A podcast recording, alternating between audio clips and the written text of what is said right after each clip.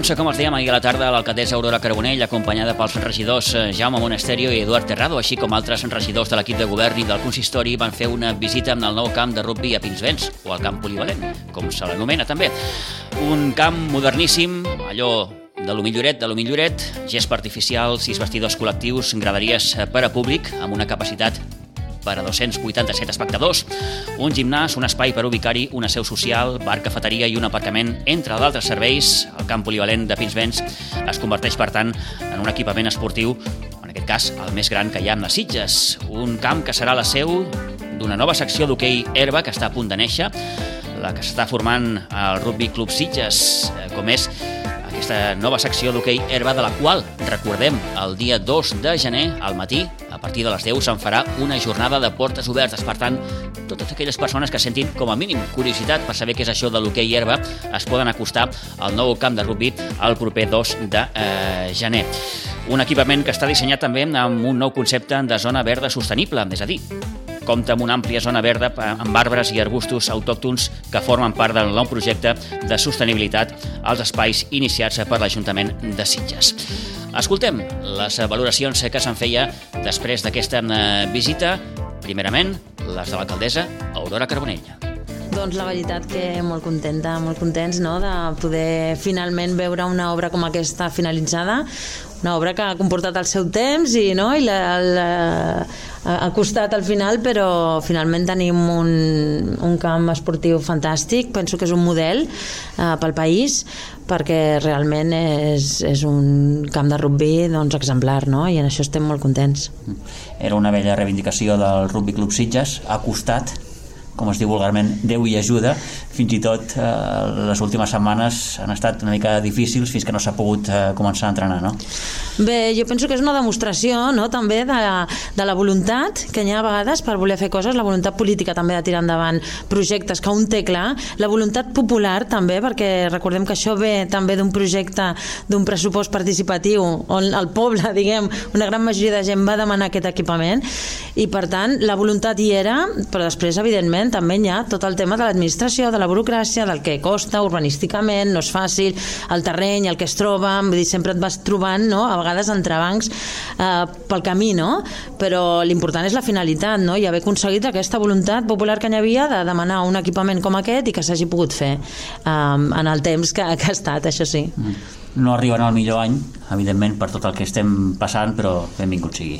Exactament, és un any molt complicat i molt difícil, però com evidentment és un equipament de futur, que nosaltres li veiem molt, molt de futur, no només per l'esport de Sitges, evidentment, i pel rugby, però sinó també com a, com a projecció, no? com a turisme esportiu, que aquí poden venir grans equips, poden venir jugadors, poden venir gent a gaudir d'aquest equipament i per tant té un, un potencial molt gran no? de, de futur, que penso que és el, el més important. Ah, alcaldessa, això li volia comentar. Què suposa per Sitges tenir un, un camp de rugby d'aquestes característiques que ens explicaven doncs, d'una gespa de les millors i, i tot això. Doncs nosaltres pensem això, que evidentment primer és pels sitgetans, per gaudir-lo aquí, perquè eh, moltes vegades s'ha dit que hi havia una manca d'equipaments esportius en general i per tant aquest és un, un, un, bon exemple d'haver fet un equipament, en aquest cas de rugby, perquè és la demanda que hi havia, però que, perquè Sitges eh, necessita segurament més equipaments esportius i aquest és un primer pas, però pensem que, que no és només exacte, no és només pel món esportiu, sinó que va molt més enllà, no? i això pot ser una plataforma també pel turisme esportiu que moltes vegades hem parlat perquè pot atraure gent que pugui venir a jugar aquí, fins i tot a fer estatjos i pensem que, que això és una, una gran promoció també com Sitges com a destinació turística i esportiva. És una línia mm, des de turisme que que heu encetat, que s'encetarà? Sí, de fet, eh, hi ha diverses línies. Un és la, el turisme familiar, que també té molt a veure amb l'esportiu, i l'altre és el turisme esportiu, però evidentment el que reclamava primer era tenir uns bons equipaments. Si vols ser una destinació turística en l'àmbit esportiu, has de tenir uns bons equipaments, i per això, en aquest sentit, doncs, aquí és un exemple.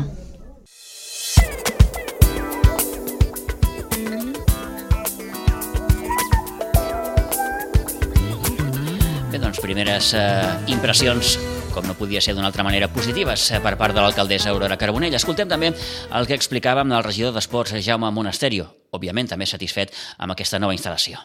Home, doncs molt content. Equipaments com aquests són, és el que necessitem. Uh, tots els presidents de clubs i totes les juntes amb les que em vaig reunint saben que jo sóc molt conscient de la mancança d'equipaments que tenim a Sitges i des de govern ho tenim molt clar que és una de les apostes que hem de tenir. El jovent necessita poder fer esport i necessita instal·lacions en condicions. I aquest és un, un exemple molt clar del que, del que hem de posar sobre la taula. No sé si dir que el, després del temps que ha passat eh, la gent del Rugby Club Sitges es mereixia una instal·lació com aquesta.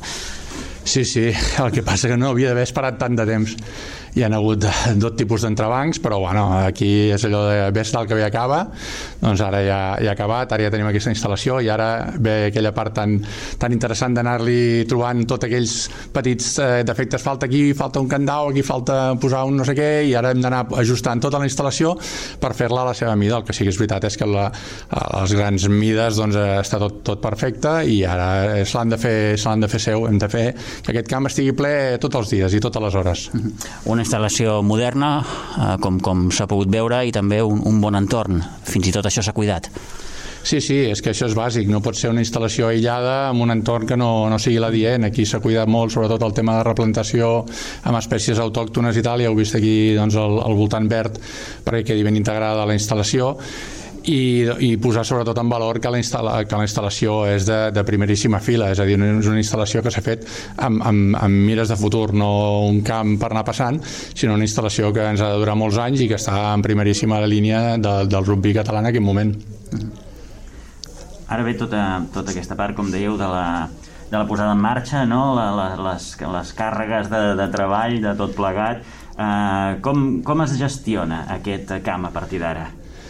Doncs, eh, com totes les altres instal·lacions, doncs, té una complexitat, una logística, no? Aquí s'han de fer uns calendaris d'entrenament, s'han de fer uns horaris, s'han de fer una sèrie de moviments que, que quan tens ja la instal·lació molt per la mà és molt fàcil, amb aquesta instal·lació nova doncs, doncs costa tot molt més, no? Clar, eh, és una bestiesa, però, per exemple, per adaptar-se a les mesures Covid, una instal·lació que té uns accessos eh, molt fàcils per a la gent que ve a, a utilitzar la instal·lació, doncs en aquest moment s'han hagut de limitar i fer passar tothom per un mateix punt doncs hem hagut de posar tota una sèrie de tanques per limitar l'accés i deixar només un sol punt per entrar a la instal·lació. Doncs ara és una mica anar-li buscant totes aquestes coses, no? i com funciona, i quin és el quarto que t'interessa més eh, per deixar unes coses a nosaltres. Ho parlàvem ara fa un moment amb el president del, del rugby, doncs el quarto de material que hi ha aquí a la zona de, la, de les grades, doncs per segons quin material que pesa molt, doncs no és pràctic. Doncs, bueno, doncs ara estem buscant com posar aquest material a la banda propera al camp. Doncs són totes aquestes cosetes que s'han d'anar doncs, polint, no? I és, fins que no estàs al camp, doncs no, no ho veus, no? Sé que és complicat, però hi ha prevista una data inaugural?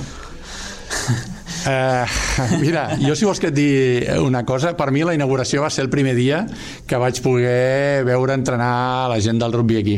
Això va ser la inauguració tot l'altre que fem ara ja serà fer-ne una festa, que és el que també tocarà en el seu moment, que la gent puguem celebrar que aquesta instal·lació s'ha obert. Dates, mmm, tal com està el pati, no posarem dates, però el que sí que tingueu clar que en el moment en què es pugui fer competició eh, no trigarem gaire a poder fer una bona, una bona festa per posar en valor tot, a, tot això que hem, que hem dit.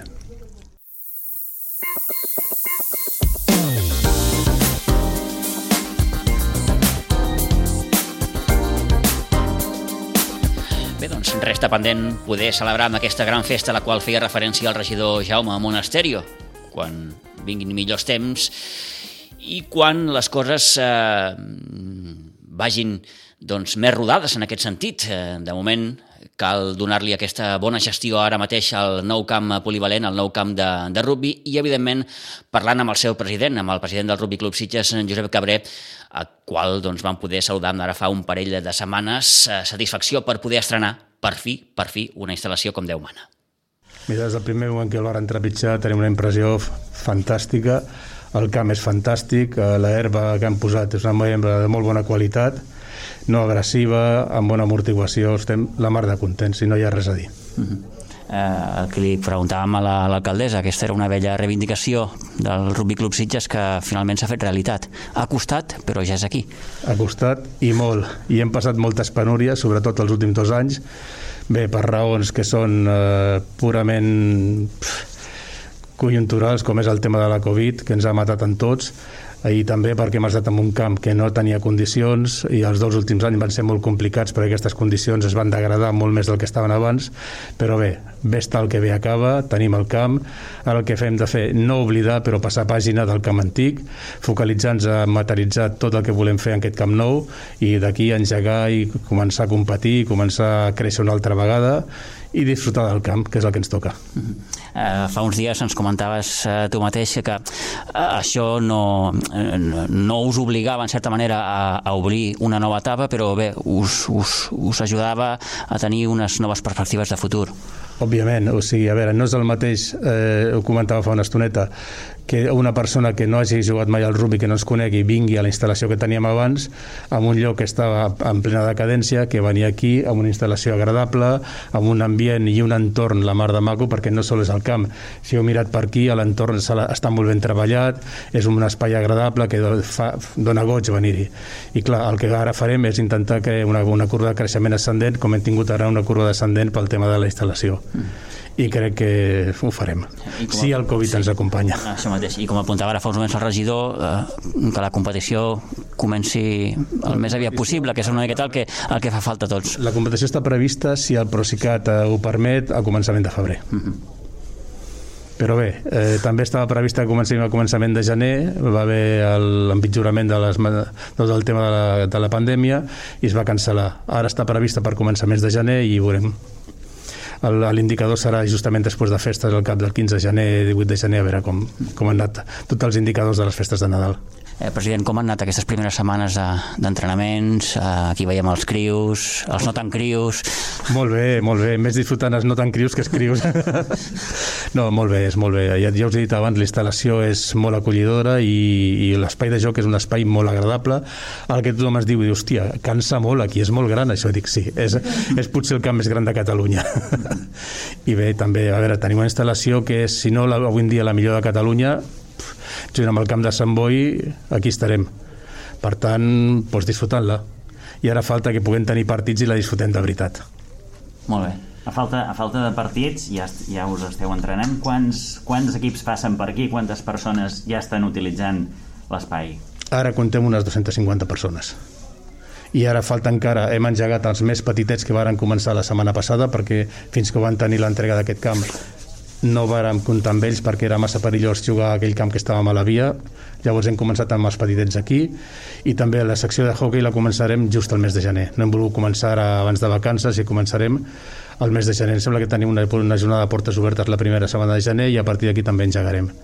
Ja et dic, ara pues, el hockey tenim interessades unes 40 persones que veurem com va, vull dir, perquè ara és allò de vinc, vinc, vinc, però clar, portem venint des del mes de setembre. Ara volem veure com materialitzem les coses. I els petits, doncs, bueno, doncs com cada any, tindrem la, el Segaran cada any i bé, i ara el que farà falta és que nosaltres, que ho farem, siguem capaços de vincular tota la gent que, que ens ve nova i fidelitzar-la al club que és el que farem. Perquè aquesta línia ascendent Teniu previst alguna, alguna campanya, alguna cosa per fer pujar la curva? De fet, de fet teníem aquest any previst justament per, per, per ajudar a, a tenir el Camp Nou havíem fet una campanya d'anar a totes les escoles de promoció a les escoles d'aquí, de Sitges i també volíem anar al Beler, a l'Escant que són els que estan per aquí al voltant però clar, tota la campanya s'ha anat a Norris perquè no hem pogut fer res pel tema de Covid i bé, doncs el que haurem de fer és si ara ja no sé si serem a temps i si no ja començar una altra vegada a engegar la maquinària per l'any vinent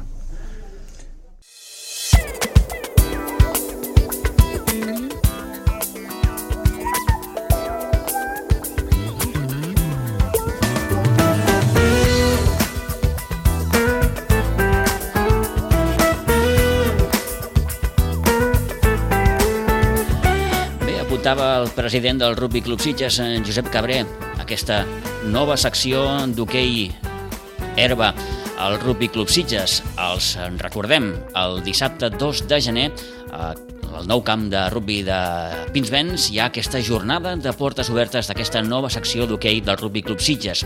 Això sí, cal confirmar assistència, es pot fer trucant a dos telèfons, d'una banda el 606 59 57 69, 606 59 57 69 i l'altre telèfon és el 661 59 15 83 661 59 15 83 ho poden fer, a més a més, enviant un correu electrònic a ok amb ck, hockey, arroba rugbysitges.com